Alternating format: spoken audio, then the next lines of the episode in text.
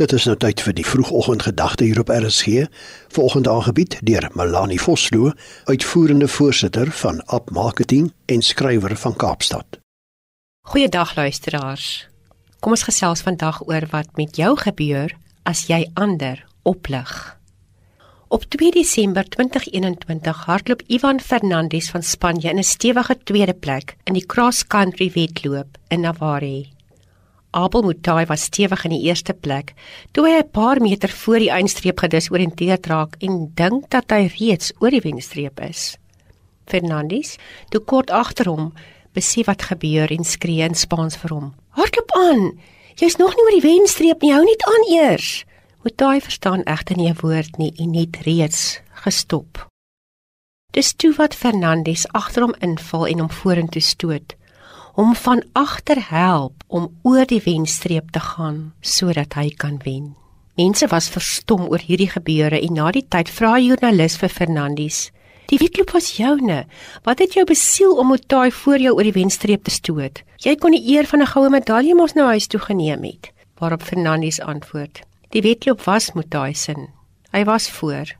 Wat sou dit vir my op daardie stadium beteken het om verby hom te gaan? Die joernalis kon steeds nie verstaan en sê: "Maar dink net wat dit kon beteken as jy die goue medalje huis toe neem. Jy was daar." "Nee," antwoord Fernandes. "Hoe kon ek dit doen? Hoe sou ek daaroor gevoel het? Wat sou my ma daarvan gesê het?" "Sjoe," sal ons sê. "So daad," vra baie en dit vertel so baie. Dit vertel die storie van eerlikheid en integriteit van iemand wat ander sy geluk en prestasie gun, iemand wat ander kan bemagtig, soms selfs ten koste van homself. Dit vertel vir ons die verhaal van iemand wat bereid is om sy hand uit te steek en 'n ander te help om sukses te behaal, ander op te lig, selfs al beteken dit dat jy self nie sal wen nie. Jesus was vir ons 'n sprekende voorbeeld van 'n man wat homself verander vir my en jou gegee het. Die God wat gekies het om op 'n donkie te ry, by 'n tollenaar te gaan eet, met 'n Samaritaanse vrou by die put te gesels, sy disippels se voete te was, vir 'n moordenaar aan die kruis te bid.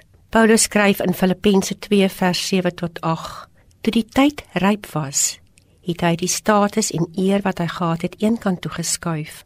Hy het mens tussen mense geword. As mens onder mense het hy die pad van vernedering nog verder geloop Dit sou hom uiteindelik by die dood aan die kruis uitbring. Wat 'n vernedering. Ek en jy kan maar net elke dag in groot afhanklikheid bid dat ons iets van hierdie Jesus sal wees. Dat ons bereid sal wees om onsself minder en ander meer te maak, om ander op te lig, om ander te laat wen. Al is dit ten koste van onsself. En wanneer ons dit kan regkry, sal ons beleef hoeveel vrede ons het, hoeveel lig ons het.